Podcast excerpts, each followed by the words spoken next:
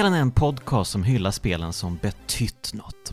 Vare sig det handlar om banbrytande gameplay-innovationer, nya narrativa nivåer eller estetiska genombrott så har alla kulturella verk som avhandlas i podden öppnat upp nya filer på den ettor och nollor drivna autobahn vi kallar spelmediet. Jag heter Jonas Högberg och idag välkomnar jag Samson Wiklund till podden. Hej Samson! Hallå Jonas, det var eh, på tiden, höll jag på att säga. ja, jo, du har haft lite teknikstrul så att eh, jag dragit ut på tiden där lite, men mm. nu sitter vi äntligen här. Efter Underbart. mycket om och men. Mm. Eh, men hur är läget med dig annars? Det är bra. Jag är på så sluttampen av en, en ganska lång och välbehövlig semester. Så det är lite ångest för att snart uh, gå tillbaka till ett kontor, men också ganska skönt att bara, ah, det har varit bra det här. Mm. Och det kontoret då tillhör Massive, spelstudion i Malmö väl? Mycket riktigt. Yes. Och du arbetar som, är det liksom speldesigner eller vad har du för titel? Ja, eh, jag är en eh, game designer, eh, vilket innebär i korta drag att jag bestämmer saker och sen så är människor som är duktiga på att göra saker, eh, se till att de finns sen. och sen folk som är duktiga på att göra saker snygga, se till att de också är snygga. Men, men det är jag som kommer på vad de ska vara för något. Det låter ju faktiskt som det bästa jobbet, tycker jag. Det är det, um, men man måste också stå till svars för när det inte är något kul, och det är det svåra. Aj då. Det, det, vet jag ingenting om, men eh, vad, vad, bra att du vet det. Och eh, vad härligt att ha en speldesigner med i det här avsnittet som ju kan, kommer handla mycket om just speldesign. Eh, men innan vi hoppar in på eh, dagens spel så vill jag bara liksom se till att alla som lyssnar verkligen vet, ja det är den Samson Wiklund som sitter här och snackar. Eh, för du är ju egentligen, egentligen säger jag, som att jobba på Massive inte är nog liksom. Men du är ju då gammal spelskribent och radiojournalist som hörts och synts i bland annat P3 Spel och på Svampriket. Bland annat. Och du har ju den här finfina podden Retroresan i bagaget också. Jajamän. Um, som, ja men det gick väl mycket ut på samma sak egentligen som kraftspelen. Ett snarlikt koncept faktiskt. Ja, ja men jag, jag lyssnade lite på något avsnitt för att uh, liksom, ah, okej, okay, vad, vad, är vad är grejen med Samson Wiklund? och då började jag lyssna på avsnittet om Psychonaut som är sex timmar långt. Ja, just ja. Vad i hela Häcklefjäll var det som hände där? Nej, det, det, um, det är faktiskt ganska enkelt. Vi började göra podden väldigt kortfattat. Då, då var det kanske 20 minuter till 40 per, per spel som avhandlades. Mm. Uh, I takt med att jag och min co-host Anders Brunlöv blev liksom varmare och varmare i kläderna och lärde känna varandra, för vi, vi visste inte vilka vi, vi var överhuvudtaget förrän vi liksom började göra den här podden tillsammans. Eh, så blev våra avsnitt längre och längre och längre. Mm. Sen så vi, eh, efter tre säsonger så la vi ner och sen så kom vi tillbaka eh, för att folk eh, chippade in en massa pengar till Spelhjälpen där vi eh, lovade ut att får vi ihop en viss summa så kör vi en säsong till. Mm. Och eh, när vi då gjorde den säsongen så bestämde vi att vi kan inte köra varje vecka, vi kör en i månaden men vi gör den desto matigare. Eh, så då körde vi liksom helt utan censur, vi kör på tills vi känner oss nöjda. Och då, då blev det att det var en 5-6 timmar per spel vi tog. Liksom. Okej, men, men pratar ni, för jag orkar ju inte lyssna sex timmar då, eh, ska jag säga, men pratar ni om Psychonauts i sex timmar? Nej, Psychonauts är nog tre och sen så okay. eh, pratar vi, vi, vi brukade ha så att vi, har en, vi, hade, vi gjorde veckans lista där det liksom var eh, ofta kopplat till temat då, eh, eller till spelet på något sätt. Så det var, det var, någon gång vi spelade eh, Mario Sunshine till exempel, då kom vi säga, okej, okay, men vad, då gör vi en topp 10 på de bästa 3D-plattformsspelen, och sen så hade vi Sagostunden, där vi spelade Final Fantasy 7 inför remake, remaken då, och sen så mm. pratade vi liksom om vad vi hade spelat eh, sen förra veckan, eller förra månaden då. Ah, okej. Okay. Eh, men så du hade ju liksom eh, värsta då karriären som eh, ja, men, någon sorts speltyckare, förstå sig mm. påare om spel. ja, um, och så fick du för dig då att ta det här klivet över till andra sidan och faktiskt börja göra spel. Hur kom det sig? Alltså jag, jag tror att alla människor som på något sätt jobbar med spel eh, alltså antingen i periferin eller, eller i liksom branschen i sig, de har väl någon slags tanke på vad de skulle vilja själva göra för spel. ifall Mm. de fick chansen. Och för min del så var det inte svårare än att jag, jag jobbade också som programmerare. Inte i spelbranschen, men, men eh, på ett annat, eh, i, i reklambranschen så jobbade jag med det. Mm. Och eh, började väl ledsna lite på det och tyckte jag skulle sadla om till någonting annat. Och så föreslog min dåvarande flickvän att ja, men det enda du gör och pratar om hela dagarna är ju spel, så satsa på det då. Så Mm. då, sagt och gjort, jag sökte in till en utbildning i, i Stockholm, gick den och sen så tog jag praktik på Massive och sen anställde de mig efter den var slut. Svårare än så. Okej. Hur länge har du varit på Massive? Eh, praktiken började i januari 2018. Eh, Så antingen kan man räkna därifrån eller så får man räkna eh, några månader senare då när praktiken var över och jag blev anställd. Men, men jobbet är liksom detsamma vare sig du är praktikant eller anställd, för det, du får göra exakt samma saker. De är ganska bra på det eh, på, på Massive. Och jag antar att du inte får prata om spelen du utvecklar, eller? Jag kan faktiskt prata om, om det som jag har jobbat på i princip hela tiden. För att det, Mm. det, det är utannonserat och det släpps eh, inom hyfsat kort tid. Och det, det är ju Avatar, eh, Frontiers och Pandora. Ah, okej. Kul. Så det, det har jag suttit med sedan 2018. Ehm, Okej. Jag kan inte prata så någonting om vad jag har gjort med det, för det är tyvärr fortfarande hemligt eftersom det inte är släppt än. Men eh, vi har ett releasedatum ute, det är i början på december, jag minns inte exakt eftersom jag faktiskt är på semester nu, så jag har inte kollat upp det. Men i början av december någonstans så, så är det releasedags. Mm. Ja men härligt, då ser väl alla lyssnare fram emot att få spela det här spelet ehm, och Mm. ta, ta del av din enorma visdom som speldesigner. Eh, men den här enorma visdomen kanske även kan gagna oss för nu ska vi prata lite om ett spel som heter FES. Ehm, och eh, det här är ju ett av de stora, stora indiespelen får man ändå säga. Ehm, Mm. Och eh, jag nappade direkt när du föreslog det här, för det här har jag velat prata om länge faktiskt. Ehm, Det, är, det är ju ett, eh, utan att säga för mycket för tidigt, det är ju ett fantastiskt spel, det är det. Det är ett fantastiskt spel och det, det är ju ett... ehm, det är, ju, det är ju fantastiskt, absolut, men det är ju också väldigt, väldigt, väldigt, väldigt bångstyrigt och, och eh, krångligt och eh, eh, svårtillgängligt på många sätt om man vill maxa det här spelet. Ehm, Ja, det är ju det. Det, det, det jobbar i väldigt många lager. Du, du har ju ett, en, en, ett tillgängligt första lager där det liksom är ett trevligt pixligt plattformsspel mm. med lite pusselinslag.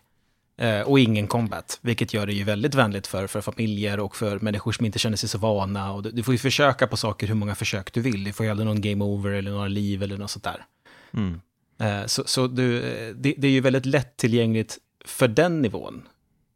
Och sen så kommer vi in på de nivåerna som, som ligger och lurar under ytan och då blir det plötsligt absurda nivåer. eh, alltså Ja. eh, faktiskt, faktiskt orimliga nivåer av, av eh, krav som, som spelet ställer till spelaren för att du ska lyckas hitta då alla de här kuberna och alla gömda pussel och allt vad det är. Mm. Ja, äh, vi, vi kommer till den här senare delen alldeles strax, men vi måste ta det här från början nu då, för ehm, um, FES utannonserades ju, ja, det var väl på eh, 00-talet till och med tror jag. Um, för att han, eh, Phil Fish och Polytron som um, den här spelstudion som han grundade heter fortfarande, jag tror att de existerar fortfarande, Polytron.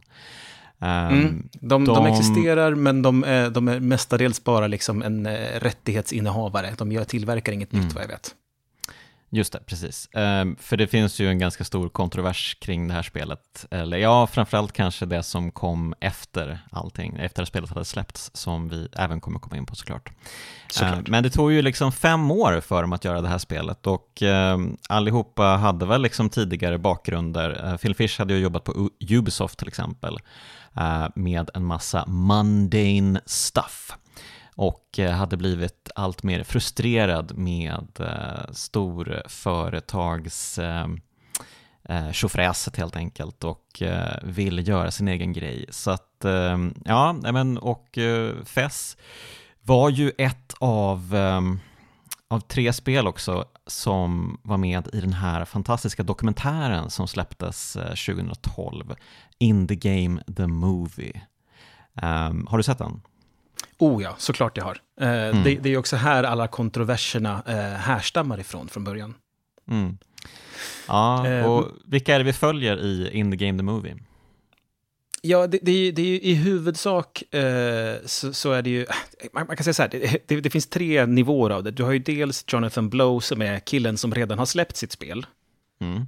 Eh, och sen så har du ju Team Meet, eh, som är killarna som håller på med sitt spel som ska liksom släppas innan filmen är slut. Och sen mm. så har du då eh, Phil Fish, som är killen som har lite problem med sitt spel, som inte riktigt kommer släppa det innan filmen är slut. Ja, precis. Men eh, man förstår ju redan här att eh, Phil Fish är en mycket eh, plågad man och att han är en mycket intressant man också. Um, han finns... är väl ärketypen av, av en sån lite så känslig konstnärstyp? Ja, extremt känslig konstnärstyp. Ja, han, han framstår ju i princip hudlös. Det, det är liksom minsta, mm. minsta lilla beröring är liksom en, en oerhörd sveda för honom. Ja, och eh, ett stort problem för honom är ju att han har ett Twitterkonto också. Eh, mm. Det ska väl verkligen sägas. Och det är där som han skjuter sig själv i foten eh, många gånger om när han liksom svarar på eh, kritik från fans eller liksom, alltså bara trollande rent av, eh, så blir han helt galen och eh, hotar att döda folk och eh, han är liksom superobehaglig när han liksom kontrar grejer. Um, och eh, det är väldigt, väldigt spännande att följa Phil Fish under den här tiden. Um, och eh, jag minns ju med, med skräckblandad glädje Eh, hur många artiklar man kunde liksom eh, få ut av det här eh, på den gamla goda tiden man skrev för eh, tidningar då. Ehm, så att, eh, ja, nej men han var ju en otroligt eh, speciell karaktär. Och han lyckades ju då göra ett otroligt speciellt spel också. Um, mm, minns du uh, första gången du spelade Fess? Vad, vad var det för tankar som for genom ditt huvud? Alltså jag hade ju följt spelet under en tid, um, så jag var ju väl bekant med vad det var för, åtminstone till ytan, typ av spel. Um, jag tog upp FES som ett av spelen i min första podcast jag gjorde, så hade jag en, en avdelning som hette Indie-rapporten, där jag, jag, tog upp något, något eller några spel som jag tyckte såg intressanta ut. Och eh, då var FES ett av exemplen. Det var liksom en väldigt, väldigt tidig version. Det var innan det fanns något releasedatum. Det var 2009 någonstans, så han har ganska nyligen vunnit det här eh, eh Novo-priset på IGF. Mm.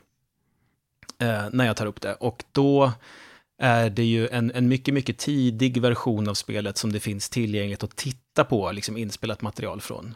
Um, och, och, det är en hel del saker som är annorlunda då jämfört med, med vad som sen levererades. Men uh, i och med att jag hade ögonen på den här titeln uh, så var jag liksom väldigt, väldigt pepp. Så jag hade det ju direkt på releasedagen och liksom startade igång på en gång och blev eh, jag blev ganska paff direkt över alltså, hur mycket mer spel Alltså hur, hur, mycket mer välproducerat spel det var än vad jag trodde det skulle vara. För jag visste om att det bara var en liksom kreativ skapare eh, mm. i form av Phil Fish som, som liksom gjorde all game design och all level design och, och um, allt det här liksom kommer från honom. Och sen så fanns det då en programmerare, eh, vad heter han, eh, Renaud Bernard, eller Bernard Renaud, jag kommer inte ihåg vilken ordning det är.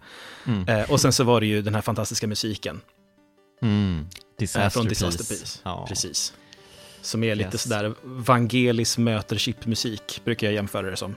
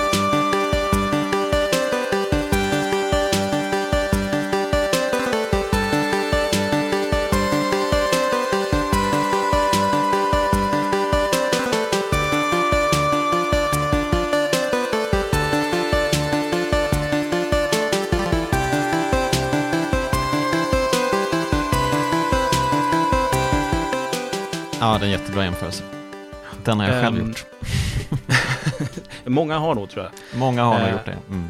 Ja, precis. Och, och, och jag eh, liksom trollades bort ganska snabbt. Och, och att det fanns liksom en berättelse i den här, eh, liksom i det här gulliga pixeläventyret. För jag minns ju när det här kom. Det här var ju eh, 2011 och, och världen är, liksom, spelvärlden befolkas i övrigt av eh, Unreal-motorn och gråa färger och liksom bump-mapping och, och sådana saker. Och sen här kommer liksom väldigt kristallklar, välpixlad old school. Och är man liksom en gammal retrospelare som jag var vid den tiden så blir man ju väldigt så, åh vad det här påminner mig om förr i tiden, och gud vad fint det var. Eh, åh Mm. så gulligt, och det är blå himmel och tjusigt, åh det här känns ju som att spela gamla Mario typ. Mm. Så jag, jag var förtrollad direkt. Eh, och sen så ganska tidigt i spelet, eh, alltså i princip så fort man har tagit den här första kuben eh, och får på sig sin, sin hatt, sin fess, så kommer ju den här sekvensen med, med de här eh, tre stora statyerna eller varelserna, det är svårt att veta exakt vad det är, som pratar med tecken du inte känner igen och det är, allting är liksom bara förvirrande och, och eh, du står där och bara, "Ha, vad gör jag nu då? Och så, så trycker du på axelknapparna för du inser att du måste göra någonting och då börjar du med de här, att du vrider världen ett kvarts varv. Mm. Eh, och så gör du det några gånger och du märker att liksom, världen går mer och mer sönder ju mer du håller på och till slut så, så går den helt sönder och så startar datorn om. Eh, Ja, och- eller spelet, beroende på om man spelar på PC eller på spelkonsol. ja, men, men eh, eh, uppstarts, Men det, men det ser ju ut som en uppstart från en dator, precis. Ja. Exakt, och, och alla vi som, som liksom framförallt minns eh, 90-talets uppstarter känner ju igen alltså, de här ljuden som görs, man hör liksom fläktar som startade igång precis som det lät, det var väldigt välsamplat, allt det där. Mm, mm. Eh, och sen så kommer spelet igång liksom då på nytt, fast nu har man hatten på sig. Och det, jag minns att jag tyckte så här, "Shit, det här var ju, det här var fan ganska läckert gjort, alltså det här är ju, det här är mycket mer än vad jag trodde det skulle vara. Jag, var- jag var chockad liksom. Jag tänkte så här, men det kommer vara ett gulligt äventyr. Man tar sig från punkt A till punkt B och liksom räddar prinsessan. Det var lite det jag var inne på, men här var liksom så oj, det finns, det finns lite oanat djup i det här, tänkte Mm. jag. Mm. Ja, jag, jag minns, eh, jag, jag skulle ju recensera det då för Aftonbladet, så att eh, jag fick någon förhandskod tror jag. Ehm, och eh, det var ju inte så bra optimerat i början av spelet. Ehm, så att den här kraschen följdes av eh, riktiga krascher för mig. Nej. Eh, så att eh, hela min spelupplevelse blev liksom, liksom ytterligare, blev ett ytterligare lager av det här märkliga spelförstörande momenten. Eh, att spelet fryste liksom med ungefär Ja men typ varje gång jag sparade, då, då frös spelet. Så det var ju en jättemärklig upplevelse. Ja, Ehm, det låter inget vidare. Mm, nej, men eh, när man väl tar sig längre in i det här äventyret så inser man ju att det är ganska konstigt. Det händer ganska konstiga saker här. Och den här mekaniken, den här som du pratade om, att man eh, liksom vrider på världen, för att man ser ju allting i 2D. Allting är ju platt, men och så med axelknapparna så kan man ju vrida då så att man får tänka sig att världen är som en kub som man vrider på. Eh, som en Rubiks kub kanske. Ehm, eh, och den här mekaniken har ju funnits tidigare i många andra spel. Super, Super Paper Mario, eh, det här gamla ehm, pusselspelet Crush som kom till PSP. Ehm, ja, det fanns väl massa andra exempel också. Men eh, så att det var ju liksom inte så att mekaniken var ny i sig, men det var ju sättet som Phil Fish använde den på som var så speciellt i det här spelet. För det var inte bara det att det liksom blev så här, åh, eh, roliga plattformsutmaningar som man eh, ja, klarar genom att eh, vrida och vända på den här fyrkubiga världen. Det fanns ju så jävla mycket skumma saker här som pågick. Vad, vad tänkte du när du liksom kom längre och längre in i det här spelet? Ja, alltså, hyfsat tidigt så får man ju se de här hieroglyferna. Eh, Mm. I och med att det, det är liksom introsekvensen på så här, okej, men jag har inte tid nu att sätta mig liksom och förstå mig på vad det här är, är för någonting. Men det känns som att det kanske finns någonting här, för de dyker ju upp vid senare tillfällen också. Mm. Eh, och jag tror att första gången som jag verkligen fick en sån aha-grej är när man kommer till den här stora klockan som går att dinga till. Ja, just det. Eh, för att eh, varje sida av den klockan har en symbol. Som är Mm. liksom en, en fyrkant med ett eller flera streck som utgår ifrån mitten och går liksom ut till ytterkanten. Mm. Eh, så jag säger, okej, men det här betyder någonting. Jag har ingen aning om vad, men det betyder någonting. Mm. Eh, och sen så lite längre fram i spelet så kommer man till en by och i byn finns det ett klassrum. Ja, just det. Mm. Och i klassrummet så kan du se de här symbolerna igen och du ser flera stycken av dem i en liksom ordning och du kan säga, hmm, jag undrar om det är så enkelt att det där är 1, 2, 3, 4, 5 och så vidare. Mm. Och sen så till slut så, så liksom börjar det klicka att så här, ah, okej, okay. det där, alltså när strecket går från mitten och rakt uppåt, då är det en etta. När det går från mm. mitten och till höger är det en tvåa, mitten och neråt är en trea, mitten och vänster är en fyra. Och så fort du ska skriva mer än fyra så får du använda dig av mer än ett streck. Mm. Och då blir det helt enkelt liksom att du plussar på dem. Så du kan skriva tre som antingen bara vet, tre, eller så kan du skriva det som ett plus två, för det betyder också tre. Mm. Och, och ja. när man väl författar det där, bara så här, ah, jag måste gå till den där klockan och så måste jag kolla vad jag kan göra med de här siffrorna. Just det. Och eh, det här alfabetet kan man ju lära sig då via, det finns väl en, de har, det finns ju liksom i eh, hela den här spelvärlden som är ganska stor, um, finns det ju monoliter antar jag att man kallar dem, eh, de här stora stentavlorna som finns lite här och var. Så finns det ju skrivet på dem grejer och så. Um, och så finns det väl någon någonstans där man kan läsa Um, jag tror att det är någon mening där, där man får mm alla bokstäver i ett och samma, en och samma mening egentligen.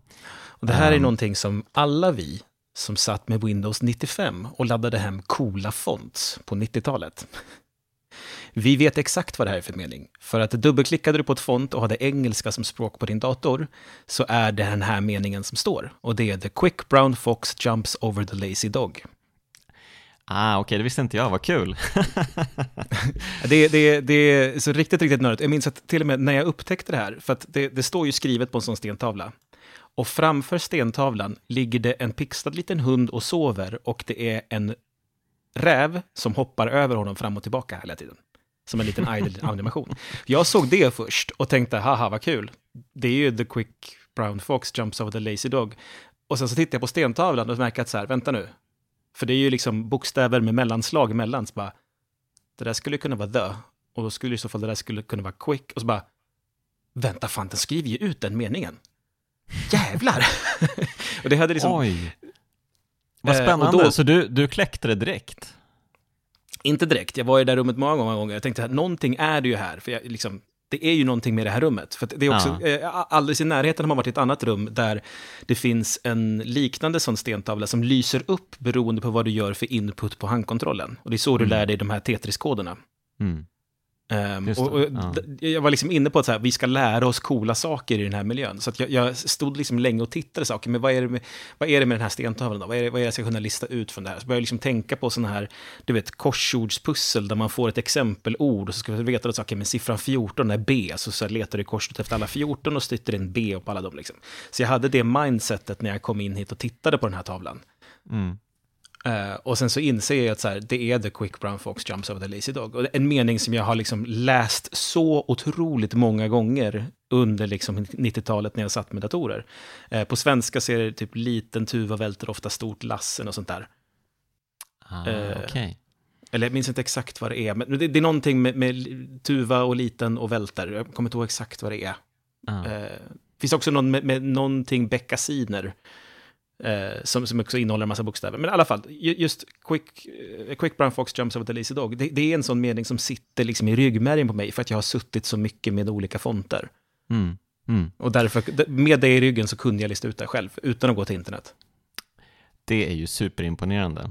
Uh, stor cred till dig Samson. Um, själv fick jag ju förlita mig på the interwebs för det här kändes ju helt omöjligt för mig. uh, och inte undra på, uh, det såg ju verkligen bara ut som gibberish allting. Um, men det är klart, um, du fick ju ledtrådarna och hade liksom the know-how, så inte undra på. Um, men, eh, och sen då om man då har knäckt eh, det här systemet, men det är väl inte så lätt heller, för man ska väl liksom vrida och vända på, för man måste ju läsa uh, de här meningarna som kommer uh, på rätt håll också va? Man måste ju vrida och vända på grejer. Ja, alltså så, eh, när du bara ska läsa så läser du ju som, som japanskt eh, kanji, alltså rakt uppifrån och ner. Mm, mm. Så, så eh, ja, du läser varje mening från toppen och neråt och sen så hoppar du från vänster mot höger. Eh, mellan liksom varje rad. Eh, den krångligare biten tycker jag, det är i så fall Tetris-koderna. För de Mm. funkar ju så. För då, då, är, då kan du ju se en Tetris-kod som ofta är listad som en stapel i spelet. Mm. Eh, och då ska du då vrida den här stapeln så det plötsligt blir en lång rad och så, så, så måste du separera varje enskild Tetris-figur, för de sitter ju ihop så att det är en enda, liksom en enda form. Du måste veta att så här, okay, det där är S-formen, det där är Z-formen, det här är T-formen och så vidare. Eh, dela upp dem alla och sen så veta, okej, det här är en inputkod jag ska slå in. Kanske vi ska förklara vad det här är för någonting. Eh, I spelet. Fess, ifall du aldrig har spelat det, så ska du hitta en jäkla massa kuber. Mm. Eh, För världen har gått sönder och det är en stor, jättestor kub som heter The Hexahedron. Det är en stor gyllene sak. Eh, den har gått sönder i 32 stycken gyldene kuber och du ska hitta dem. Och du hittar dem antingen bara att de ligger på en plats i världen eller att det är eh, eh, den har gått sönder i åtta ytterligare små bitar, du samlar alla åtta och så, så blir det en stor kub, lite så här som Zelda och hjärtan. Eh, och sen så finns det då antikuber som är blåa versioner av de här och de hittar du allt som oftast genom att du knappar in en specifik kod på handkontrollen. Alltså tänk Konami upp, upp, ner, ner, vänster, höger, B, A, start. Eh, fast du har då styrkors, hopp och ehm, axelknappar som dina olika alternativ. De här kan då representeras i form av Tetris-figurerna, alltså Tetrominos, de som vi känner igen som du vet S och Z och T och så vidare. Och de betyder olika knappar. Och du ser sådana ibland i världen och du vet att du kan stå på den här platsen, trycka den här koden så kommer du få en blå antikub. Mm. Ja, det är så sjukt att man bara ställer sig på en plats, trycker in en kod och så får man en, en surprise. Um, ibland Mm. öppnar sig ju nya dörrar också. Um, så det kan ju verkligen hända riktigt spännande grejer här. Um, men men um, ska vi prata lite om den här världen vi befinner oss i innan vi liksom går vidare in i de här mysterierna som Fess ändå kretsar kring. Um, för uh, världen i sig är ju, den är ju fantastiskt vacker och den är ju, um, den är ju full av uh, liksom små påskägg och överraskningar. Det är ju till exempel väldigt skojigt när man stöter på en, uh, ett rör som ser ut som ett Super Mario-rör och kan använda det för att transportera, transportera sig till kloakerna och eh, styra vattennivåer och sådana grejer. Såna grejer. Ehm, och sen så kan man ju då använda sin roliga, ehm, eh, vad ska vi kalla den här konstiga mekaniken egentligen, Rubiks kub-manipulerandet ehm, för att liksom skruva sig upp på skruvar i vissa delar av världen. Det är ju fantastiskt roligt. Ehm, och eh, ja, men det finns ju, de använder ju verkligen den här mekaniken till max tycker jag, på många spännande sätt. Ehm, och det är ju Det så märks härligt. tydligt att- Mm, ja, Förlåt, Kör. men det märks väldigt tydligt att Phil Fish är en level designer i grund och botten. För det är, mm, alltså, det, det är en sån väldigt liten mekanik egentligen. Vrid på världen ett kvartsvarv. Ja. Men ut, ut ur det så har ni först de här superrudimentära sakerna som så här, du vrider på världen för att du ska kunna liksom, ta dig fram eller ett hinder försvinner eller vad som helst. Det, det är ganska basic, det tror jag vem som helst som, som leker med den här funktionen kan lista ut. Men sen så har du de här där det är eh, som så här spår som plattformar rör sig på, lite som i, i Super Mario Bros 3, där det finns liksom en linje, så är det en plattform som rör sig längs med linjen. Och när du då vrider så kan du koppla ihop de här spåren på olika sätt, för att du ser ju dem från olika vinklar och vrår eh, Mm. med den här ortografiska kameran. Eh, så att det, det är liksom en, en nivå som säger, ja men det här hade nog ganska många ändå kommit fram till att man skulle kunna göra med, med den här mekaniken så småningom. Men det är så, det är så många sådana grejer, alltså så här, den här lilla, lilla grejen, vrid ett kvartsvarv, han får ut så otroligt mycket level design-grejer ur den här enkla grejen. Som du sa, alltså att du tar tag i någonting och så du står still och vrider världen, då snurrar den här som en skruv mm, Eh, och det kan, an- det kan antingen vara att du låser upp något, eller i vissa fall att du skruvar upp liksom en fjäder som sen sakta tickar neråt, och då har du liksom en, en tidsspann du måste hinna göra någonting annat på innan den här har skruvat färdigt liksom hela vägen till botten.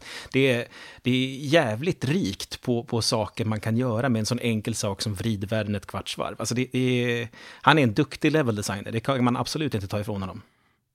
Ja, och eh, han är ju väldigt, väldigt duktig på att att eh, visualisera den här världen och göra den liksom väldigt tydlig för den som spelar. Um, för det är, ju, det är ju underbart att uh, när man kommer till exempel till den här uh, första liksom hubben som kan ta en vidare till många, alltså tänk eh, liksom första delen av liksom prinsessans slott i Super Mario 64 där det finns ett visst antal tavlor att hoppa in i. Så finns det ju ett visst antal dörrar liksom i den här första Eh, hubbvärlden som utspelar sig liksom på någon liten ö eh, vid ett eh, vackert hav ehm, och i bakgrunden så ser man ju världarna man kan ta sig till när man går igenom den dörren. Ehm, det, är ju, det är ju så fantastiskt snyggt gjort alltså. Jag, jag verkligen älskar, och, och det här liksom den här inzoomningen som sen sker på, eller ja, säger man inzoomning, jag vet inte hur, men det känns som en inzoomning i alla fall. Man liksom zoomar in på den världen när man går igenom dörren. Ja, oh, I love it. Ja, men det är också det är ett sånt jäkla smart sätt att bara visa att så här, ifall du har glömt, när du kan se fyren i bakgrunden så betyder det att går du igenom en dörr nu så kommer du komma till fyren. Alltså det är, så, det är skitenkelt, men mm. det funkar ju. Det funkar hur bra som helst. Det är samma sak, varje rum som finns i det här spelet har ju sin unika stil. För tittar du sen då på, på liksom världskartan som du bygger upp under spelets gång, det är, varje, liksom, varje rum representeras av i princip en liten screenshot från det rummet.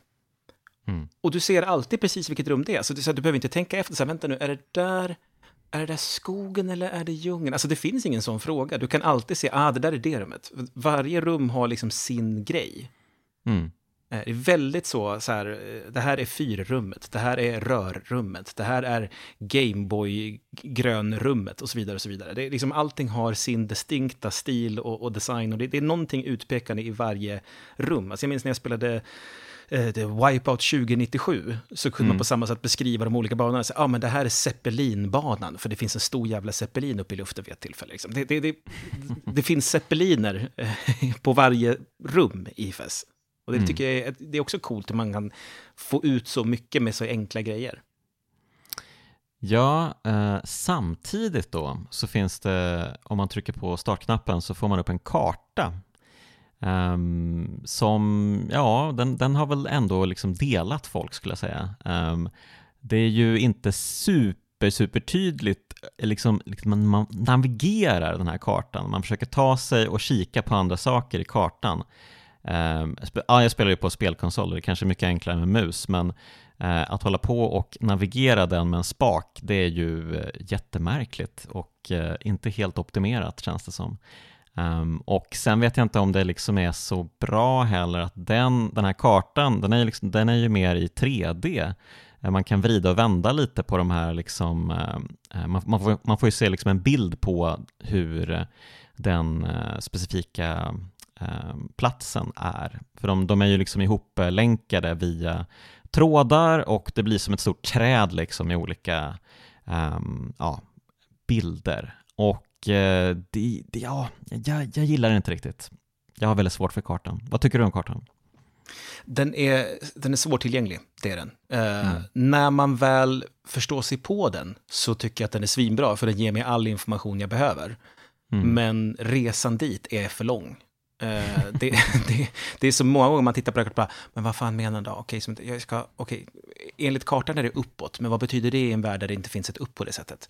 Ja. uh, men, men sen så efter ett tag så fattar man liksom att så okay, men det finns en logik bakom det här och, och varför den går att vrida på och varför liksom det som är österut nu, det är faktiskt österut i världen också. Men vad är öster när du kan vrida kvartsvärd? Alltså så här, det, det går efter ett tag att förstå vad som är vad på den här kartan. Men eh, som sagt, det, det, det, är när man är inne på så här fjärde varvet på fest som bara, aha, ja men det var lite smart.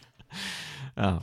Det är, ju, det är ju jättebra såklart att man får veta om man har plockat allt på varje ny bana. Liksom. Man, den, eh, då blir ju bilden, eh, då får ju den en, en guldram och då är det mm. liksom väldigt tydligt att man är klar där och kan gå vidare. Ehm, så det är ju toppen. Eh, annars hade man ju letat hemligheter alldeles för länge i det här spelet. det finns ju ett undantag dock. Mm, Okej. Okay. Det är eh, det så kallade hjärtrummet. Jaha, minns jag det här. Mm. Det så kallade Nej, men- hjärterummet. Ja, Precis, det, du är bekant med eh, monoliten, antar jag? Ja, jo, jo, jo. The Black Monolith, eller? Precis. Ja, precis. Ja, Ja, mm. den som, jag tror det bara finns en i alla fall, The Black Monolith. Mm. Eh, det, det berömdaste pusslet. Ehm, det finns ett annat pussel som är löst, som är att man kan hitta, eh, vad heter de heter Kikorumi, tror jag, det här kollektivet som Phil Fish tillhör heter. Eh, Mm. Deras symbol är ett eh, fyrkantigt pixligt hjärta. Och Mm. det hjärtat består då av tre styckna hjärtkuber som finns att låsa upp i det här spelet. Och hittar man dem så finns det ett rum då där det här hjärtat syns och snurrar och trycker man en viss kod i det rummet så går hjärtat sönder. Men det rummet blir aldrig guld. Eller förstått, det blir guld innan allt det här. För hjärtorna, hjärtat ligger utanför eh, pusslerna, så att säga. Guldet gills inte det, på det av någon anledning. Okej. Hmm. Ja, intressant. Man undrar ju vad tanken var där. Um, krossade det här kollektivet Phil Fish hjärta? Eller vad? Det finns faktiskt en teori till varför just det specifikt är att hjärtat krossas när man slår koden. Eh, Mhm. Jag kan ta det när vi kommer dit, tror jag. Eh, Jaha, du vill inte ta det nu när vi är är där? ah, Okej, men det kan jag väl göra. Ehm, det är en, eh, alltså det, det är precis som vanligt att du ska hitta en, en input-sekvens du ska slå in. Ehm, Mm. Grejen är att den här input-sekvensen finns inte med någonstans i spelet. Det finns ingen ledtråd till den överhuvudtaget.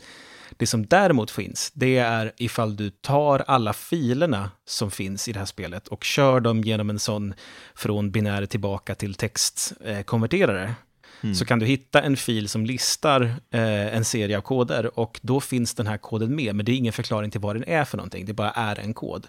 Men någon gjorde då allt detta och listade ut att så här, okej, det här är en kod som inte finns, vi går in och testar den på alla rum vi kan tills vi hittar vart den är någonstans, och så gjorde man det på hjärtat och såg att hjärtat gick sönder. Och sen så listade man då ganska snabbt ut att you're breaking the programmer's heart.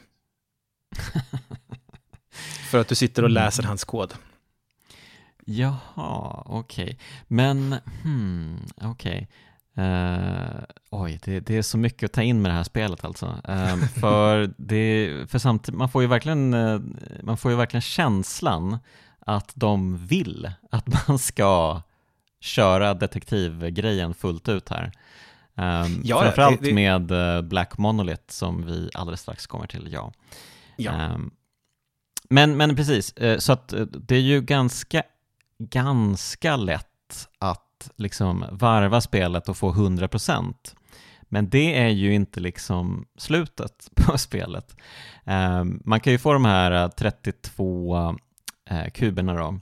Men faktum är att det finns 64 kuber i spelet, så att eh, 32 är ju då bara hälften.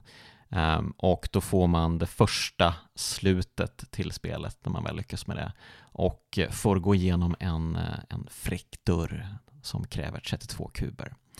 Ehm, vad tycker du om det första slutet? Ja, eh, jag gillar det. Eh, jag tycker överlag om, alltså det som händer när man går igenom dörren är att man kommer ju till den här månplatsen, eller vad man ska kalla det, där det är en annan gravitation, så man kan hoppa mycket mer floaty. Mm.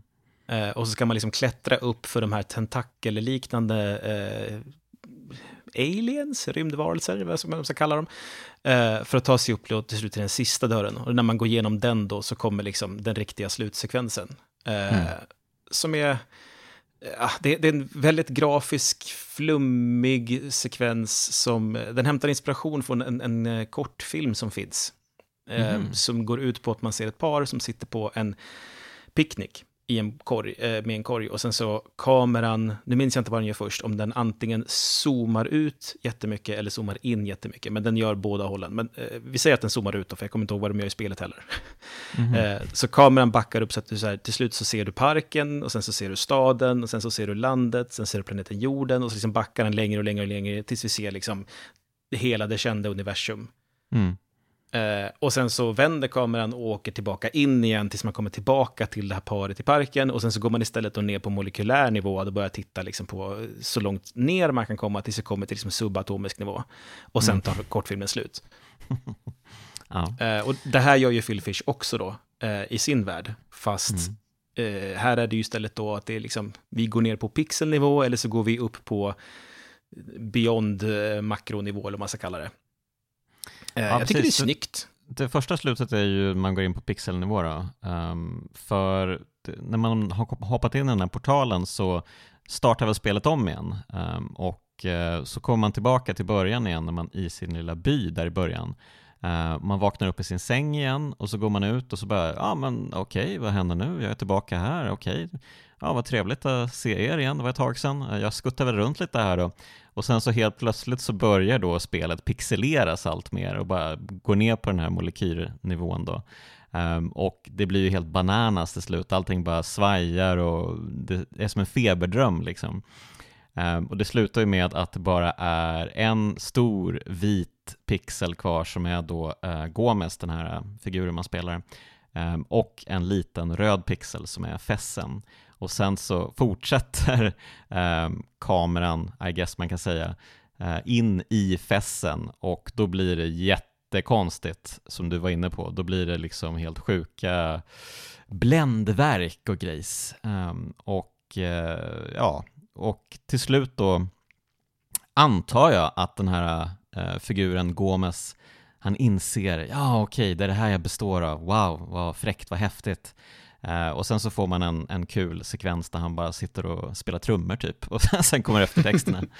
uh, så, att, uh, så att det är ju lite så här, äh, det här, betyder det här något? Jag vet inte. Vi, vi har väl kul också va? Um, jag tyckte mest det var väldigt vackert. Ja men verkligen, jag tycker verkligen om det första slutet. Um, men sen då så kan man ju då starta om ett, eller man kan ju starta ett New Game Plus och då får man ju med sig allt man redan har plockat på sig.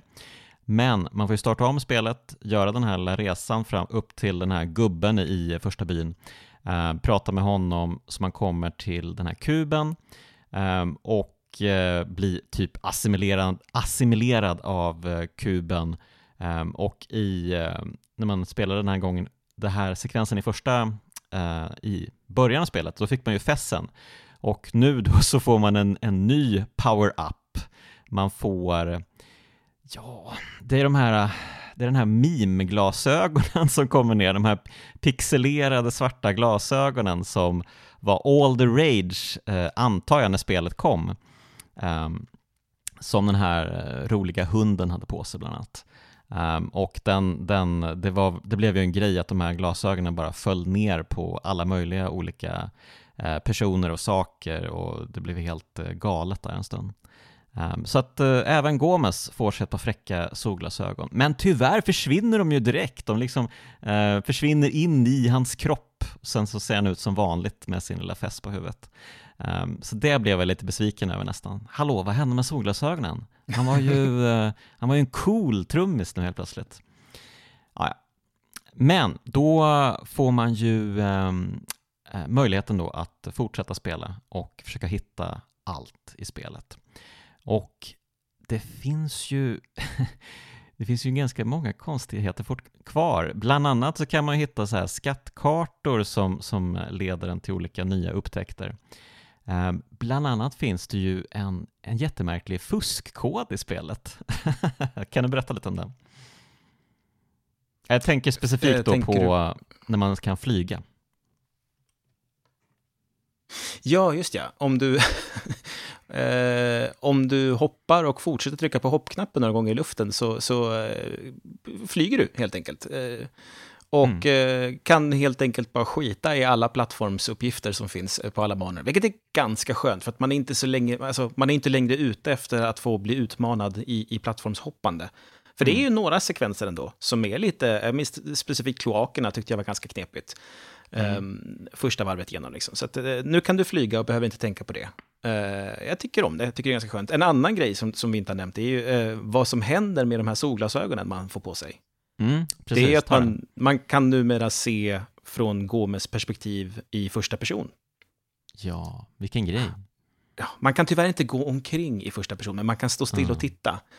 Uh, och det visar sig att det här blir ganska nödvändigt för att, uh, för att hitta de här antikuberna då, de som är lite krångligare, så är, är det mycket att man ska vara i ett visst rum eller så och kanske gå in i första person och titta på golvet till exempel. För det, du kan ju aldrig se golvet i det här spelet eftersom allting är liksom ortografiskt i sidled. Mm. Uh, men nu kan du det och då kan du se att så, ah, titta här är ju en sån här Tetris-kod som jag ska knappa in och så, ah, vips, så dyker det upp en sån här blå antikub. Um, det finns också några saker som fortfarande idag är olösta, ska jag säga, eh, som har att göra med det här första personsperspektivet. Och det är vad som på nätet kallas för the crop circles. Mm. Eh, och det är kort och gott att på vissa platser, vissa rum i spelet, så finns det mönster i golvet som ser bara ut som liksom eh, cirklar, eller fyrkanter, efter varandra. Ah, Just det, ja. ja. Eh, Och, och ingen har fattat vad det här är för någonting? Nej, vi, eh, nu säger jag vi, för jag har varit delaktig i, i den här subkulturen ganska länge. Eh, Ja. Alltså, vi, vi letar frenetiskt efter liksom så här, vad är det det här betyder. Var, varför finns det i vissa rum? Varför finns det inte överallt? Varför vissa större? Varför vissa mindre? Eh, och, och, och så här, men det, de är ju olika stora, så är det en sekvens? Ska man titta på dem liksom från liten till stor och varför då? Och, eh, okay, för, vad innebär de här olika rummen? Vad, eh, vad händer om vi sätter rummens namn efter varann? Okay, men vad händer om vi läser det på det här sättet som man ska läsa boken? Eh, kan, vi kan komma till det sen när vi kommer dit. Eh, det, det, det, än så länge vet vi inte, men, men det finns i alla fall gömda cirklar, eller då kvadrater, eh, på golven och i tak i vissa rum. Och vi vet fortfarande inte varför de här finns där. Men det, det är sånt som inte går att se om man inte är, eh, är på andra varvet och har fått solglasögonen. Så de, är där, de är inlagda av en anledning, men vi har fortfarande inte alls någon aning om varför. Det kan ju också vara något jävla debug-grej som Phil Fish la in för sig själv. Det Mm. vet vi inte. Men, men det känns som en sån grej som är ganska enkel att ta bort i så fall, men det har han inte gjort. Mm. Men han har väl också sagt att det finns eh, hemligheter kvar? Ja, eh, programmeraren har, eh, vet jag. Han, har, har explicit sagt att det finns fortfarande saker som, som är ohittade. Eh, den, Mm. den huvudsakliga sån, som, eh, vi vet svaret men vi vet inte vad det betyder, det är ju den här svarta monoliten vi pratar om. Mm. Just Eh, det. för det. det- här måste vi ju- verkligen prata om, för det här är ju helt rubbat. Eh, Och du har varit en del av den här communityn som har löst eh, det svarta monolitpusslet alltså. Jajamän, jag var med. Herregud, så imponerande. Ehm, ja, jag, jag har ju verkligen bara tagit till mig det här liksom efter att det var klart och informationen liksom fanns tillhanda och jag bara kunde göra grejen. Men att, att komma på det här, det låter ju sinnessjukt. Men ta det från början. Eh, den här svarta monoliten finns ju då i ett rum eh, man kan gå till och man fattar ingenting. Vad är grejen här egentligen? Ehm, Mm. och Det, det man vet är att man har en halv skattkarta. Mm, ja, just det. Mm. Eh, för på den här halva skattkartan så finns Polytron, alltså företaget som Philfish har, deras logotyp. Och Mm. är man i monolitrummet och tittar på eh, golvet i första persons perspektiv så ser man att det är den logotypen. Mm. Och den första koden man ska slå in, jag minns inte exakt hur det är man får det, men man, man, man får i alla fall den i spelet. Och då ska man ställa sig i, eh, Polytron-logotypen är alltså ett P. Eh, och den är gjord med liksom ett gäng linjer som löper parallellt med varandra, som börjar på golvet, går uppåt, svänger höger, eh, och sen svänger neråt och sen svänger vänster, så att det liksom blir ett P. Eh, och då, då finns det ju som en mittpunkt det här, så det är lite ut som en kanelbulle kan man säga. Mm. Eh, och det, du ska försöka då ställa dig på den mittpunkten. Och det är ju lite knepigt, för att du kan ju bara röra dig i 2D. Mm. Eh, så du får ju liksom gå lite, titta i första person. Nej, okej, jag behöver röra mig lite mer inåt i bilden. Okej, vrid ett kvarts varv och gå lite till vänster. Eh, och så vrid tillbaka och så titta igen. Nej, okej, fan, det gick för långt. Och så får du hålla på sådär tills du står på mittpunkten. När du står på mittpunkten så knappar du in koden du har lärt dig. Och det är första halvan. Monoliten dyker upp. Just det, rummet Andra är tomt, ja, just det, så var det. Mm. Precis. Andra halvan är att man ska slå en annan kod för att monoliten ska försvinna igen. Och den koden, vi vet om att den finns. För att eh, den här kartan man tittar på har liksom brunnit, så är, det är en del som är borta. Men vi vet inte om var någonstans den koden finns. Så att någon flitig jävel satte sig ner och bara så här, okej, vi vet att alla koder vi slår in är så här många knapptryckningar. Vi vet att det Mm. finns så här många olika knappar det skulle kunna vara. Jag sätter mig och eh, genererar fram alla tänkbara koder som det går att finnas i ett stort Excel-ark. Eh, och lägger upp det på Google Sheets. Så eh, en- person gjorde allt, det- allt det här, alltså, genererade upp så att liksom alla tänkbara koder, och det var några tusen stycken, eh, dyker upp liksom i ett jättestort Google Sheets-dokument. Och sen så får man helt enkelt, om man känner för det, hoppa in i det här dokumentet, markera ett gäng med rader och bara så här, jag testar de här. Och så gick man in i spelet och så provade man dem och så fick man liksom rapportera i dokumentet, eh, gör ingenting, gör ingenting, gör ingenting, gör ingenting, gör ingenting och så vidare. Tills till slut det var någon som faktiskt snubblade över vad som var rätt kod. Så det, det, är en ren brute forcing som gjordes för att eh, lista ut vad fan det här skulle vara för någonting. Men med det så, så hittade vi lösningen, men vi vet fortfarande inte varför den är en rätt lösning. När man väl har när man har den här situationen, att man har svaret, men man vet inte vad frågan är, då är det jättesvårt att hitta rätt fråga. För man kan ju pussla ihop vad som helst till att bli rätt grej. Uh, ah. En, en uh, teori som rådde länge hade kopplat till releasedatumet, vet jag. För att det gick att liksom manipulera releasedatumet och man skrev ut det med några av liksom de metoderna som Phil Fish har använt i spelet och få det till att bli den här inputkoden. Mm. Uh, och det var så här, okej, okay, men det, det, det, är nog det det är. Och sen så bara, Phil Fish tittar på det här och bara, vi flyttade releasedatumet, så det har ingenting som bygger på det. så bara, fuck, okej, okay, det var inte det alls. Ja, okej. Okay. Ja, det roliga är ju, för som jag har förstått det, så är det ingen som vet än, alltså vad som är grejen. Nej, det, det finns många teorier, men det, det, det, är ingenting som är liksom klart om exakt varför är det här rätt kod. Vi vet att det är rätt kod, men vi vet inte varför. Vi vet inte vad är ledtrådarna som leder hit. Vad, är vad betyder den här koden? Ingen mm. aning.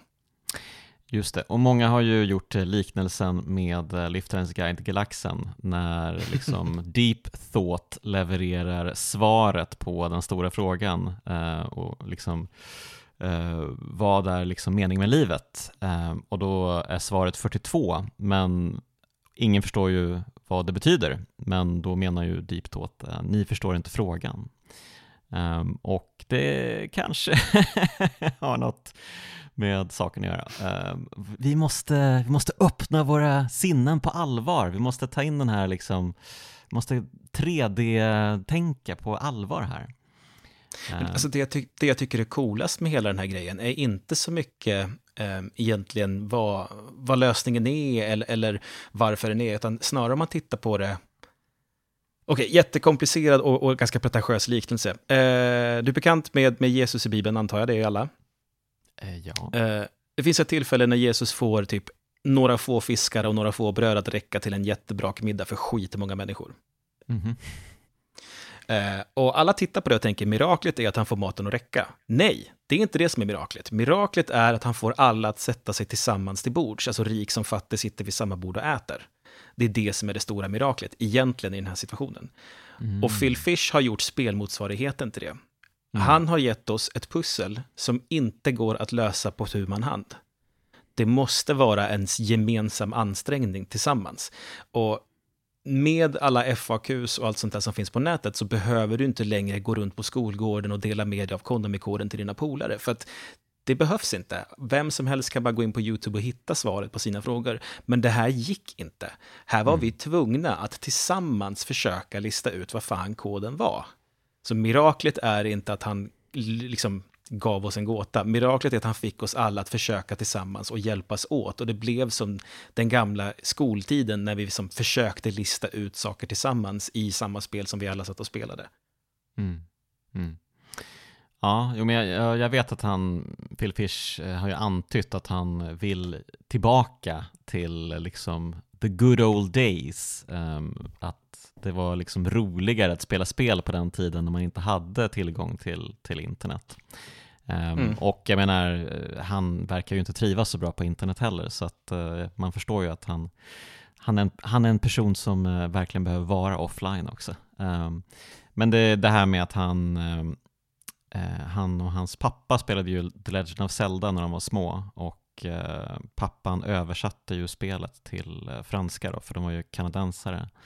Um, och det skapade liksom ett uh, samband och liksom en gemenskap mellan dem samtidigt som de spelade spelet. Och uh, det blev liksom ett, uh, ett litet pussel i sig att lära sig språket också. Um, och det har väl också någonting med språket som han har försökt liksom implementera i det här spelet också, det här konstiga korsordspråket. Um, ja, nej mm. men det, det, finns, det finns mycket här. Det här är ju verkligen en, en spelskapare som har tänkt till va, med en hel del. Um, är det... Ehm, alltså, och sen kommer ju då, lyckas man då plocka den här äh, sista kuben som ju är helt otroligt svår att plocka. Och det tog alltså då 66 227 försök att få fram den här slutgiltiga koden, äh, vilket ju är helt sinnessjukt. Um, ja, och lyckas man då få alla 64 kuber och sen finns det väl några extra grejer också. Um, Ja, alltså du har ju eh, The Tomb, eller The Tome menar jag, boken. Eh, du har eh, Skallen som lär dig räkna. Och sen har du en till också, vad fan är det då? Det är till verktyg i alla fall, vet jag. Jag kommer inte ihåg exakt vad det är. Mm. Ja, men det var, precis, men jag tänkte på några, det var några specialkuber också som var så här, um, var inte de röda eller något sånt där? Uh, eller har jag helt är det hjärtan du tänker på nu? Virrat till det nu kanske. Ja, det kanske är hjärtan jag tänker på. Precis. Ja, men det var någon, något rött i alla fall, minns jag tydligt. Uh, ja. Ja, Hjärtarna är ju, är ju, mörka och så är det en röd kärna i dem. Ja, just det. Men det, det var säkert det jag tänkte på. Men eh, precis, man plockar allting och eh, får tillgång till det andra slutet. Um, och då är det ju, som du var inne på tidigare då, då flyger man ju ut från spelet. Eh, då blir det liksom en utzoomning istället för en inzoomning. Ehm, och då får man se, lämnar man spelvärlden som liksom försvinner allt längre bort ehm, och eh, ja, ut i rymden och ut i tomheten. Ehm, och eh, jag vet inte riktigt vad jag tycker om det slutet. Det, det känns lite antiklimaktiskt som liksom the final final ending. Att bara, hopp, då var vi klara med det. Hej då. Vad tycker du? Ja, alltså, jag hade väl trott att det skulle vara något mer. För alltså det, det första slutet känns ju liksom klatschigt och kul. Och så här, ja, lite snyggt och så var det kul och så var han väldigt gullig när han satt och trummade där på toppen. Och sen utzoomningen är så här, ja, jo, jo, jag, jag fattar, det är, mm, ja, kul, kul. Uh, men man landar ju i någon konstig sån, ja, okej. Okay. Men jag har ju gjort det här jätte jättesvåra äventyret nu, jag har ju hittat alla jävla kuberna. Mm. Vad, äh, finns det mer då? Är det, är det därför det inte var liksom... ja, precis. Uh, För det, men... var, det var ju så jag tänkte i alla fall, när jag såg det slutet. Ja. Precis, ja, det, kän, det känns ju väldigt otillfredsställande um, och man, man vill liksom, ja men vad, vad händer med Gomes, vad händer med de här liksom hexadronerna, vad, vad Alltså räddade jag världen? Jag förstår ingenting nu. Uh, jag känner mig väldigt uh, uh, vilse i pannkakan helt enkelt. men, men det kanske bara är så det måste vara med FES. För ja, det är ju alltså, så det varit hela tiden egentligen. Man är vilse i pannkakan. Ja, det skulle ju komma ett FES 2 en gång i tiden. Jo, Precis. Men, men Phil Fish övergav det på grund av internet egentligen, kort förklarat. Ja, precis. Eh, vi behöver inte gå in på alla hans snedsteg. Eh, men jag tror att han, eh, för att han gjorde en intervju med Eurogamer förra året, helt apropå bara, för att fira det här tioårsjubileumet för FES, så hade ju deras reporter bara liksom skickat iväg en förfrågan bara på skoj. Hade ju liksom ingen trodde ju inte att det var en chans att han skulle ens svara ens, men eh, så bara, ja men visst, vi kan köra en intervju. Bara, va? Är det sant? Ehm, så den här killen då som framstår lite som spelvärldens Greta Garbo, liksom helt eh, oanträffbar och eh, helt liksom totalt ja, men helt out of the public eye, bara dyker upp igen och börjar prata lite. Så det var ju spännande i sig, men då sa väl han även att ja, det kanske inte var bara därför. Det var väl lite så här, jag kände inte riktigt för att göra tvåan. Um, jag tyckte väl att uh, jag var klar med det där lite grann. Um, så um, jag vet inte, fanns det någonting uh, förankrat i tvåan som han hade tänkt sig att uh, tvåan skulle förklara någonting eller liksom ta vidare konceptet? det, kanske, det kanske bara var så att det var det här vi fick också. Fast jag är ändå nyfiken, för det, alltså det finns ju en story, så att säga, eh, som går att lära sig. Åtminstone en bakgrundshistoria eh, med, med Gomes äventyr genom liksom, de olika länderna i FES. Mm. Med, eh, man hittar ju eh, ristningar inne på väggen som liksom visar på historik, där det finns, eh, förklara hela grejen. För att, eh, du kan inte se i tre dimensioner om du inte har tillräckligt många ögon, är liksom principen de utgår ifrån. Mm. Så det finns en massa sådana hällristningar då av liksom enögda Gomes-figurer som blir besökta av ugglor. Och ugglorna kan se i 3D för de kan vrida på sitt huvud på ett sätt som människor inte kan. Mm. Eh, och sen så blir de också besökta av aliens och aliens ger dem fessen och med fessen på så dels han som får fessen blir kung över liksom alla andra grottmänniskor. Eh, mm. men han kan också se i 3D. Eh, mm. Och i spelet så besöker du ju eh, ruiner av en stad vid ett tillfälle. Och mm. i den staden finns ju massa sådana här teleportörer och du ser även att man har försökt bygga en portal, en stor en, men den har gått sönder, den är liksom inte hel. Mm. och du besöker samma stad igen, fast i en annan tidsrymd där den är fullt befolkad av människor som allihopa kan se i 3D. Eh, och som då håller på att bygga samma portal. Du känner liksom igen rummet, fast nu, är, nu håller den på att byggas och i det andra rummet så, så är den liksom bara trasig. Mm, mm. Eh, så att det finns ju någon slags historia här om så här, det finns rymdvarelser som hade tre ögon, så de kunde se en till dimension då, som skänkte en fest så att människorna skulle kunna få se med två ögon. Och sen så finns det ugglor som är fiender till de här rymdvarelserna. För du, du samlar ju ihop de här tre ugglorna under spelets gång som du kan hitta. Uh, Assemble the Parliament är, är en uppgift du får. Uh, och Parliament of Owls är ju vad en grupp ugglor kallas. Och du kan då hitta tre ugglor få, och då, då, samlar de sig på kyrkogården och du kan gå till dem och så kan du prata med dem. Och så får du en antikub av dem, men du får också lite liksom haiku-dikter som indikerar någonting. Um, senare i spelet så hittar du också den här tjocka, tjocka boken, The Tome. Och i den så finns det ju sån här zu-text, zuish kallas ju språket. Mm.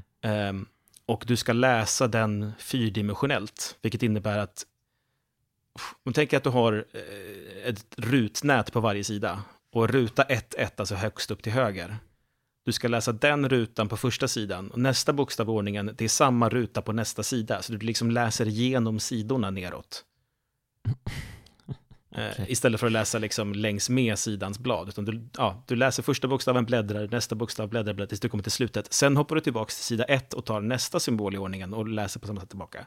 Och det visar sig att den här, eh, den här tom, tomen då, den innehåller alla haikus som du har fått genom spelet. Fast nu är de i rätt ordning och de berättar en historia mm. om hexahedronen, alltså den här guldkuben.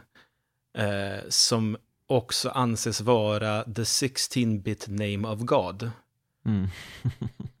Vilket också makar sense ifall man förstår sig på hur binärkod eh, skrivs och används. Eh, så, så, det finns jättemycket saker som är liksom bara är så här i kringliggande i FES, som inte egentligen påverkar spelupplevelsen, men det är kul för de som vill. Och är man lite märkligt lagd, eller mm. ligger någonstans på spektrumet, vilket jag gör, så tenderar det att finnas vissa saker här som är liksom igenkänningsbara. Om man, om man ligger där jag ligger på spektrat så har man eh, gissningsvis en, en, en eh, ett intresse och en fascination vid liksom komplex matematik, olika system och dimensioner och liknande. Och bara den här eh, maskotfiguren man har med sig, Dot, eh, är ju en eh, fyrdimensionell kub. Mm. Eh, med det här färgspektrat som snurrar runt hela tiden. Det, det, det, är så man brukar representera fyrdimensionella kuber när man gör det liksom på papper. Mm. Eh, så, så, det är liksom första hinten om att så här, oj, gillar du geometri på märkliga sätt? Kolla in det här. Och sen så märker man att det finns jättemycket saker som liksom talar eh, och känns igen. Ja, den delen av spektrat som jag ligger på kallades för, för Asperger. Okay. Och jättemycket av det som händer i FES är saker som man känner igen om man också har Asperger. Vi är ganska säkra på att Phil Fish har Asperger.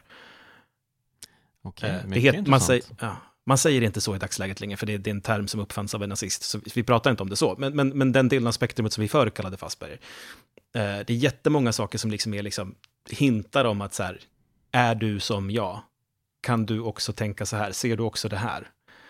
Eh, jag tycker det är sjukt fascinerande. Så jag, kände mig ju väldigt träffad av spelet när det kom, just för att säga oj, det är ingen som pratar med mig på det här sättet. För det är väldigt sällan sådana som jag uttrycker sig överhuvudtaget. Eh, mm. På, inför en sån här publik. Så det, det, var otroligt fascinerande att få liksom göra den resan och, och se alla, Det kan vara inbildning, säger jag inte att det inte är, men jag tyckte det var skithäftigt att få, få uppleva det. Ja, men det, ja, precis. Man, men jag har väldigt, uh, det finns så mycket att uh, förkovra sig i det här spelet. Uh, jag, som jag förstår det så fanns det liksom fanns det tre eller fyra olika mm, typ människoliknande raser. Det var väl någon som är utdöd nu i alla fall, eh, eller som alltid varit utdöd. Men man kan ju besöka någon plats där det typ bara är liksom statyer eller någonting av de här um, ursprungliga människorna kanske, uh, som bara liksom hade ett öga. Och där kan man ju inte, där kan man ju inte använda sin förmåga att eh, vrida på världen, utan allting är ju bara i 2D där. Det, liksom, det går inte att använda fyra liksom, Rubiks kub-pusslandet överhuvudtaget. Um, Precis, det, det, är den här svampliknande skogen, eh, Totem Village kallas den. Just det, just det, precis. Uh, ja men uh, fantastiskt kul. Um, och uh, ja, det, alltså, det känns som att varje rum döljer någonting extra som man liksom inte kan fatta. Men som kanske Samson Wiklund förstår på en annan nivå möjligtvis.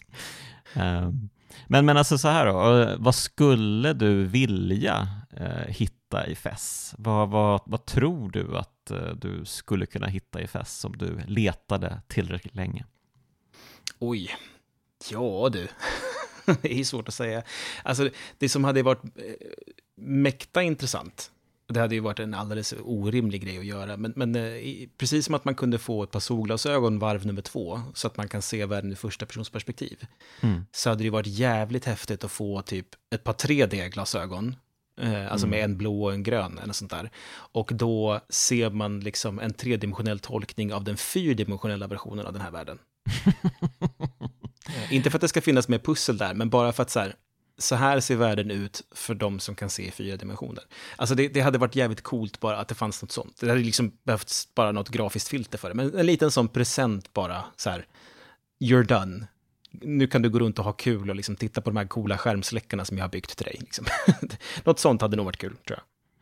Men eh, det kändes ju lite som att det var dit Fest 2 var på väg för att eh, liksom eh, eh, titelskärmen, det var väl det enda, det enda man fick se i den här teaser-trailern, den var väl sådär märkligt eh, lysande i olika färger och eh, väldigt så här, det hände mycket med den.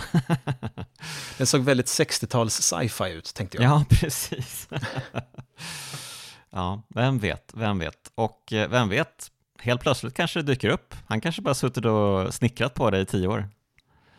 Um, ja, alltså det, det första var sju, så varför inte? Ja, eh, precis. Men eh, finns det något eh, liksom annat eh, pussel i spelet som du liksom vill ta upp eller som du tycker är särskilt intressant? Jag tänkte på det här Metatron-pusslet till exempel, eh, som var fruktansvärt svårt att förstå sig på. Eh, jag försökte ju lösa det här back in the day och eh, oj, oj, oj, det var en mardröm alltså. Eh, ja, jag, jag har jag, jag läst mig till den lösningen, för jag lyckades inte lista ut den där jävla ordvitsgåtan som det hela går ut på i slutändan. Mm, mm. Det, det, är alltså ett rum fullt av bokstavskuber. Mm. Och eh, jag minns inte exakt hur, men det ställs en gåta som, där det står typ första halvan av mitt namn är vad det är. Mm. Eller något sånt där. Eh, och andra halva, jag minns inte ens vad de säger om andra halva, men, men eh, Metatron är liksom namnet som du ska skriva ut dem med bokstavskuber. Mm. Så att det, jag tyckte inte det var ett särdeles kul pussel, men det är mest också för jag tycker själva, när man väl har listat ut vad man ska skriva, så är det skitkrångligt att lyckas skriva i det här spelet också. Exakt, exakt. Det var, man var ju tvungen att vrida och vända för, för att få liksom bokstäverna eh, på rätt eh, ja, men på rätt våglängd, alltså så att de var på rätt, eh, rätt placerade. Och sen så skulle ju alla befinna sig på en och samma rad på, eh, in, vid ingången eh, och sen så måste de också befinna sig exakt rätt med liksom exakt rätt eh, mellanslag eh, mellan varandra. Eh, och allt det här var liksom så otroligt frustrerande för mig. Um, och det kanske var det pusslet som fick mig att, att lägga ner spelet också, back in the day. Um, verkligen.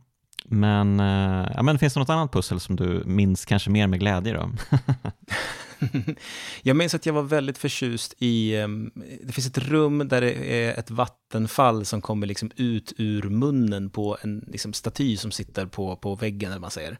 Mm. Uh, det, det, det, berömda save-bugs-rummet på Xbox 360. Uh, för att om du sparar i det rummet så, så är din save-fil korrupt för alltid. Ja, det var det rummet, okej, okay, okej. Okay. Ah. Ja, det går att ta sig runt genom att bara, ja men delitar man cache och startar om så funkar det igen. Uh, så det, det, det går att ta sig förbi det ifall man skulle råka, råka hamna i det rummet. Men hur som helst, i det rummet så finns det uh, lite så här uh, Moria-aktigt att det finns en viss kod som bara dyker upp när det är natt i det rummet. Den liksom lyser ur väggen.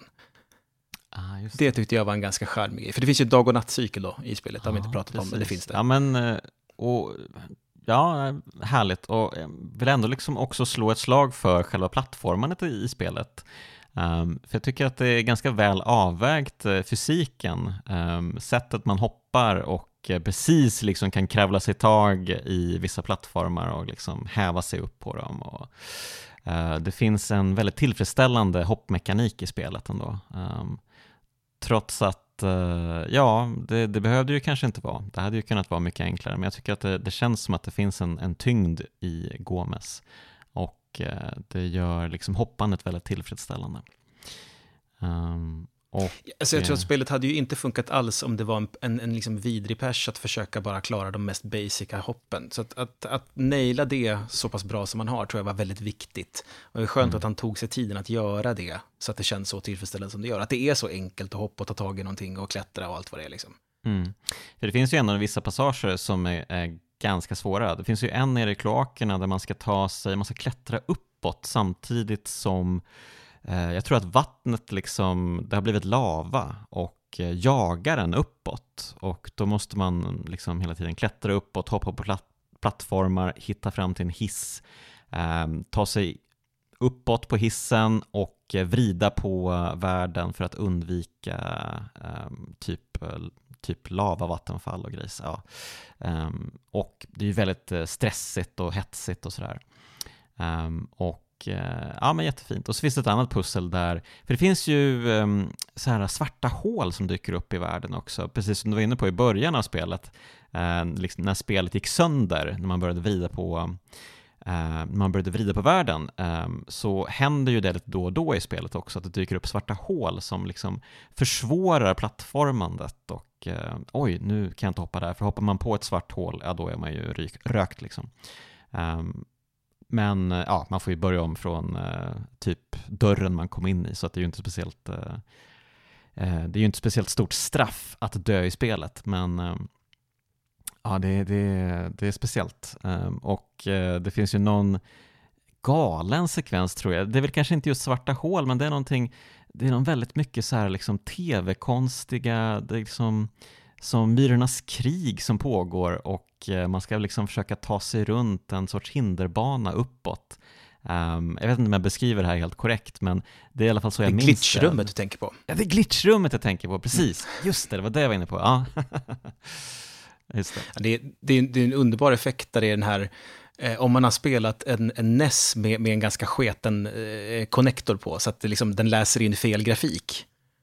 Just det. Eh, det, det, är lite den känslan jag upplever. Eh, just att så här, allting är baserat på ett rutmönster i hela spelet och så är det så här, det ska vara grafik här men det är fel grafik och så håller den på liksom och flimrar och byter mellan olika, vi ser liksom olika paletter som den försöker välja rätt mellan. Mm. Eh, det, det, det, är jävligt bra musik i det rummet. Jag hade den som min telefonsignal rätt länge, på den tiden man fortfarande hade ljud på på sina telefoner. Ja, ja, ja, ja, okej, okej. Mm. Uh, ja, äh, musiken är ju som sagt uh, enastående och, uh, ja, det, och det är din kanske favoritlåt då kanske? nej, den, den ligger bra till. Den, den gjorde sig framförallt bra som en melodisignal. Min favoritlåt är den som sätter igång när du kommer till den befolkade byn första gången. Alltså inte den du startar i, utan när du kommer till Zoo-byn. Mm. Okay. Och den är väldigt så, eh, den heter Royal på soundtracket. Mm. Eh, för den, den, är så, um, du, det, det är lite utandning i tonerna till den. Alltså det är lite så här... Oh, för du har liksom också precis gått igenom lite av en plattformspers när du kommer dit och liksom du får andas ut. Det är eh, samma känsla som du får i Hitta Nemo när de kommer till sköldpaddorna. När det är så här, oh, vi är säkra, vi kan slappna av lite. Det är lite den vibben. Och det, den, den är, går sig igenom liksom soundtracket väldigt bra där. Det, det, det, det är min favorit helt klart.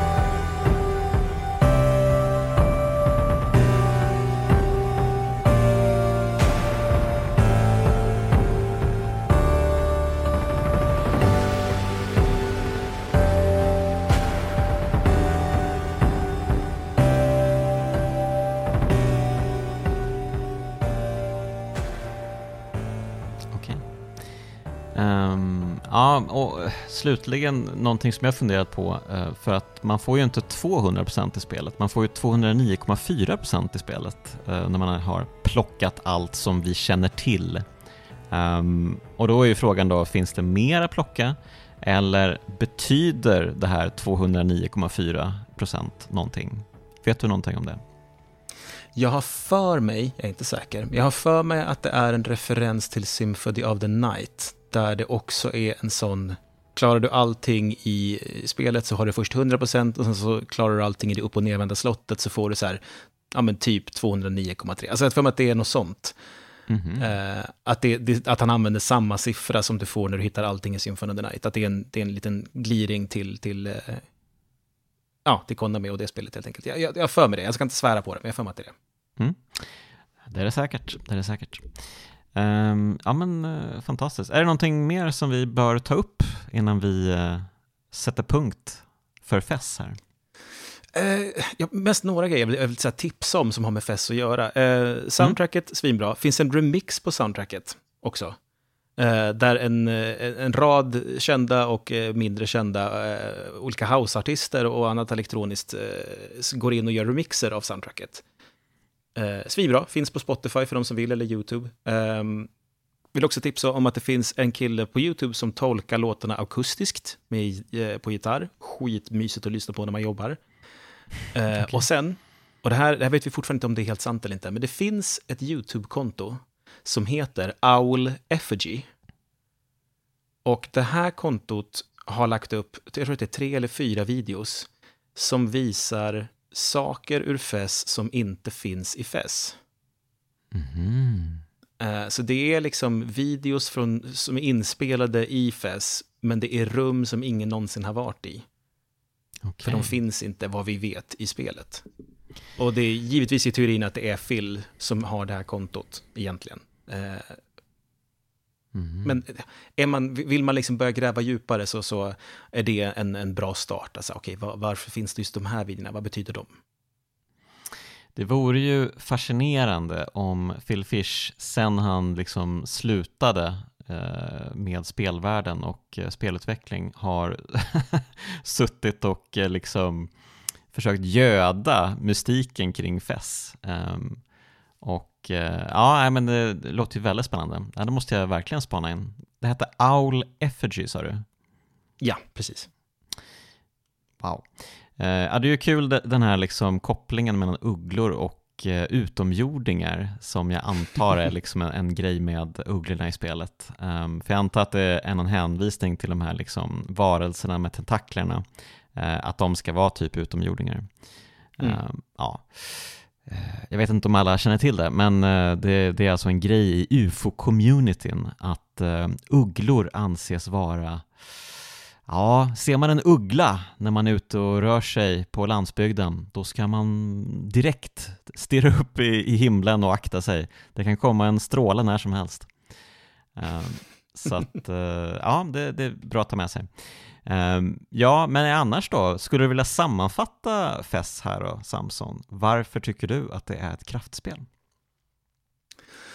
Uh, det är ett kraftspel för att det är ett utan alla pussel så är det ett kompetent och intressant och väldigt snyggt plattformsspel eh, med intressanta och kluriga liksom, pussel i level design. Och bara det skulle räcka för att göra spelet intressant och bra. På det så har du den här vridmekaniken eh, och alla spännande varianter som, som Phil Fish eh, gör med hjälp av den. Och sen på det då så har du en intressant och lite knepig och lite konstig berättelse, men framförallt sättet den berättas på är intressant. Och sen på det så har du nästa lager med alla de här konstiga pussel baserat på att du ska kunna lära dig att läsa och eh, räkna på ett språk som du alla har sett förut. Och sen på det så har du nästa lager där du måste kunna morsekod och, och titta på stjärnor i en stjärnkikare för att kunna lista ut ett enda enskilt skitet litet pussel bara för att kunna lista ut hur du ska kunna få den här antikuben. Och sen nästa lager på det, det är att du måste kunna Eh, använda dig av dina vänner på internet för att kunna lösa nästa pussel. För att det går inte att lösa det här på egen hand, för det finns ingen lösning i spelet. Utan du, du måste helt enkelt kommunicera med andra och hjälpas åt.